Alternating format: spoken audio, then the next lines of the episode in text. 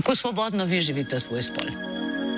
Glej, v, v tej skupini ljudi ne vem veliko, nisem, nisem veliko z njimi, z njimi v stiku. Jaz nimam nič proti homoseksualcem, verjemite me, ampak. Takšni aktivisti bi domnevno iz učnega načrta odstranili za življenje pomembne predmete, samo zato, da bi ustvarili prostor za predavanja o svojih homoseksualnih doživetjih. Ta juni na Mauričnih valovih radio študent v medredakcijskem fokusu prisluhnite posebnim glasbenim opremam, intervjujem ter teoretskim in analitičnim prispevkom z različnimi gosti, v katerih bomo sodelovke, sodelavci ter vsi tisti vmes in onkraj mesec ponosa obarvali s kvirovskimi vsebinami. To je izvor vsega zla.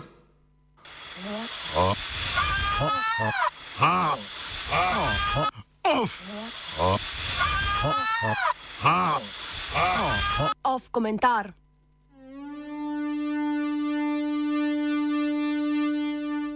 Manjkajoče barve Maurice. Na mestnih ulicah ali medmrežju ste morda zasledili oglas švedske pohištvene korporacije IKEA, ki z geslom Ljubezen je ljubezen v luči meseca ponosa izraža podporo spolnim manjšinam. Poleg generičnega podjetniškega slogana lahko preberemo tudi, da se, citiramo, podpora LGBT plus skupnosti začne doma. Čeprav gre pri IKEA-inem trženju meseca ponosa nedvomno za marketinško strategijo, pa je dotični oglas precej poveden in vsebinsko korekten. S tem, da se podpora spolnim manjšinam začne doma, so pri IKEA seveda ciljali na domači fizični prostor, ki ga držijo.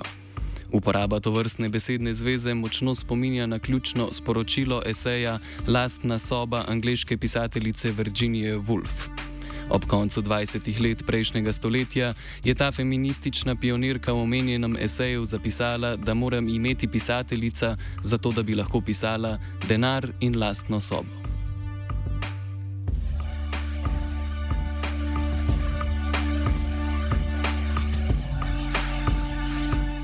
Čeprav je Wolf s tem opredelila položaj ženske pisateljice, ki mora biti v moško-središčni družbi ekonomsko samostojna, če se želi udejstvovati brez škodljivih vplivov patriarhata, lahko njeno ugotovitev brez zadržkov uporabimo tudi pri primeru spolnih manjšin.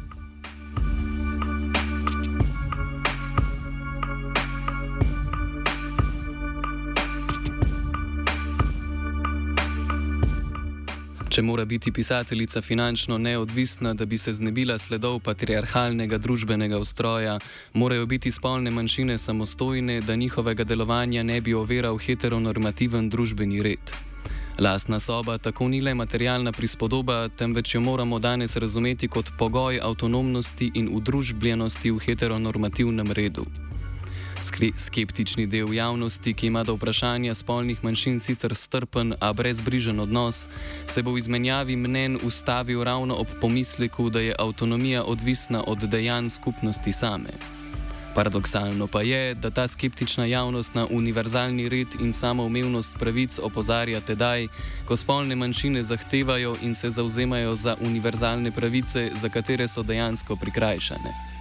Družbeni položaj spolnih manjšin se nikakor ne more izboljšati le s prikimavanjem ustaljenemu sistemu, kaj šele, da bi se ustaljeni sistem prilagodil manjšini, ki se po svoji naravi ne more primerjati z ostalimi manjšinami.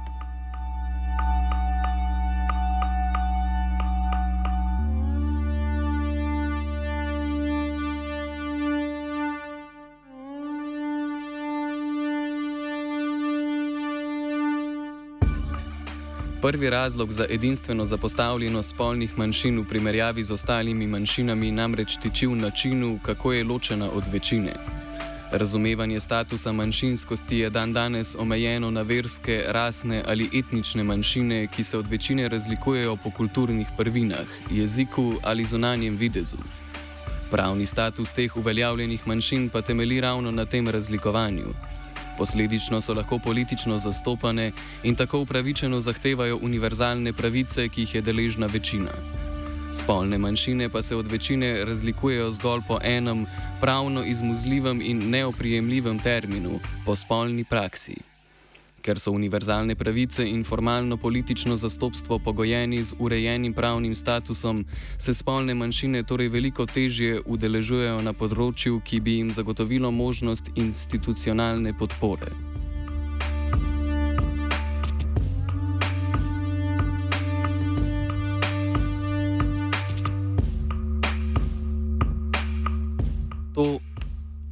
To, da so spolne manjšine prav tako rekoč neopredeljive, še zdaleč ne pomeni, da se politično ne udejstvujejo. Poleg nekaterih politikov in političark, ki se identificirajo onkraj spolne binarnosti, je v Sloveniji politično aktivnih nekaj organizacij, ki delujejo na področju boja za pravice spolnih manjšin. Domet te politične aktivnosti pa je omejen na bolj svobodomiselna področja, na katerih je drugačna spolna usmerjenost sprejeta, njeno javno izražanje pa ne vodi v socialno izključenost. Politična aktivnost spolnih manjšin je bila sicer vedno omejena na urbana središča, spremenil se je le družbeni položaj tistih, ki se politično udejstvujejo.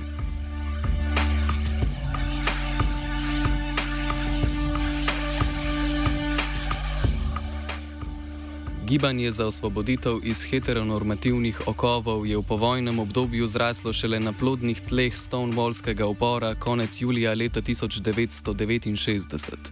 Takrat se je policijskemu nasilju in strogemu nadzoru sosedske Greenwich Village v New Yorku, kjer so živele in delovale pripadnice spolnih manjšin, uprlo nekaj sto ljudi na družbenem robu, ki so, neizpro, ki so se neizprosno upirali, saj niso imeli ničesar, kar bi lahko izgubili. Po dobrega pol stoletja, odkar s parado in mesecem ponosa obeležujemo začetek kvirovskega gibanja, pa je upor heteronormativnosti prerasel omejitve družbenega roba in se udejanil v vsakoletnem festivalskem obeleževanju Stonewallskega upora v nekaterih urbanih metropolah. Zato, da lahko danes paradiramo po ljubljanskih ulicah, se moramo torej zahvaliti tisti peščici, ki se je, čeprav je s tem tvegala svojo eksistencialno varnost, leta 1969 uprla, kljub temu, da svoje lastne sobe ni imela, jo je pa marsikomu omogočila.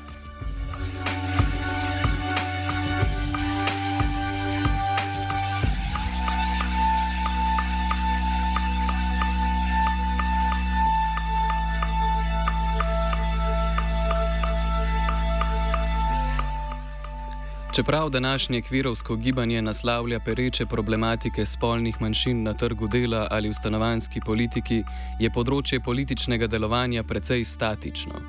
Večinskemu deležu spolnih manjšin, ki se lahko neprestano upira heteronormativnosti, sta zagotovljeni socialna in ekonomska varnost, saj pravnega zagotovila za politično zastopstvo ni. Ta delež dejavno upirajočih se lahko, se lahko opredelimo preprosto geografsko. Drugačna spolna usmerjenost se praznuje tam, kjer je urbanemu prebivalstvu to ekonomsko in družbeno omogočeno. Kljub pravni in geografski omejenosti kvirovskega gibanja in praznovanja parade ponosa, pa upanje na lastno sobo ne sme zamreti. Pravzaprav bi morala biti ta materialna prispodoba Virginije Woolf eden glavnih ciljev ljudi pod Maurično zastavo. Protestnice in protestniki na Stonewallu so lastno sobo omogočili urbani mladini v večjih mestih na zahodu, danes pa si moramo tisti z lastno sobo neprestano prizadevati, da jo omogočimo vsem, ki si je sami niso zmožni zagotoviti.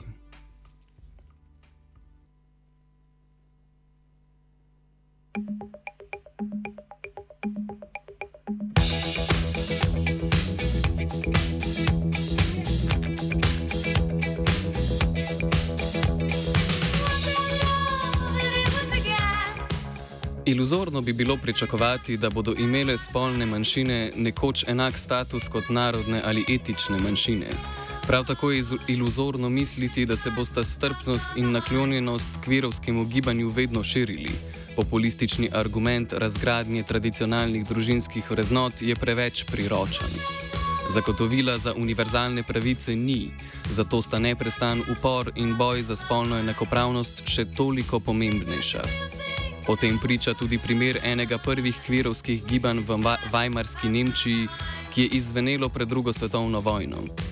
Tisto, kar boj spolnih manjšin na globalni ravni varuje pred zamrtjem, sta kulturna hegemonija ameriškega potrošništva in uporaba Stonewalla in parade ponosa v tržne namene. Ikejni oglasi so tako kljub dobičkonosni namembnosti še kako zaželeni.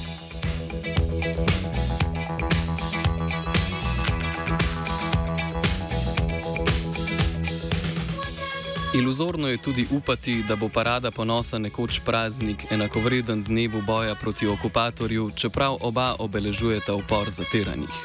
Parada ponosa je v očeh večine nažalost samo teatralni akt bohotenja teles, mahanja z mauričnimi zastavami in prekomerne uporabe bleščic. Za tiste, ki se identificirajo onkraj sistema spolne binarnosti, pa je ta ena junijska sobota eksistencialnega pomena. Biti viden ali vidna ni samoumevno, zlasti če to izražanje vidnosti pravzaprav pomeni tveganje socialne izključenosti.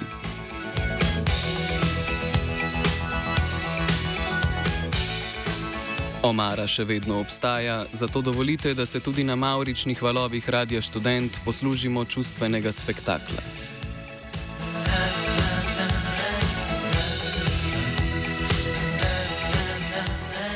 Spomnimo se na smrtno kazen v desetih državah članicah Organizacije Združenih narodov, koncentracijska taborišča za homoseksualce v Čečeniji, pregon raziskovanja spola na sosednjem Mačarskem in strukturno nagnjenost transseksualk k nevarnemu spolnemu delu.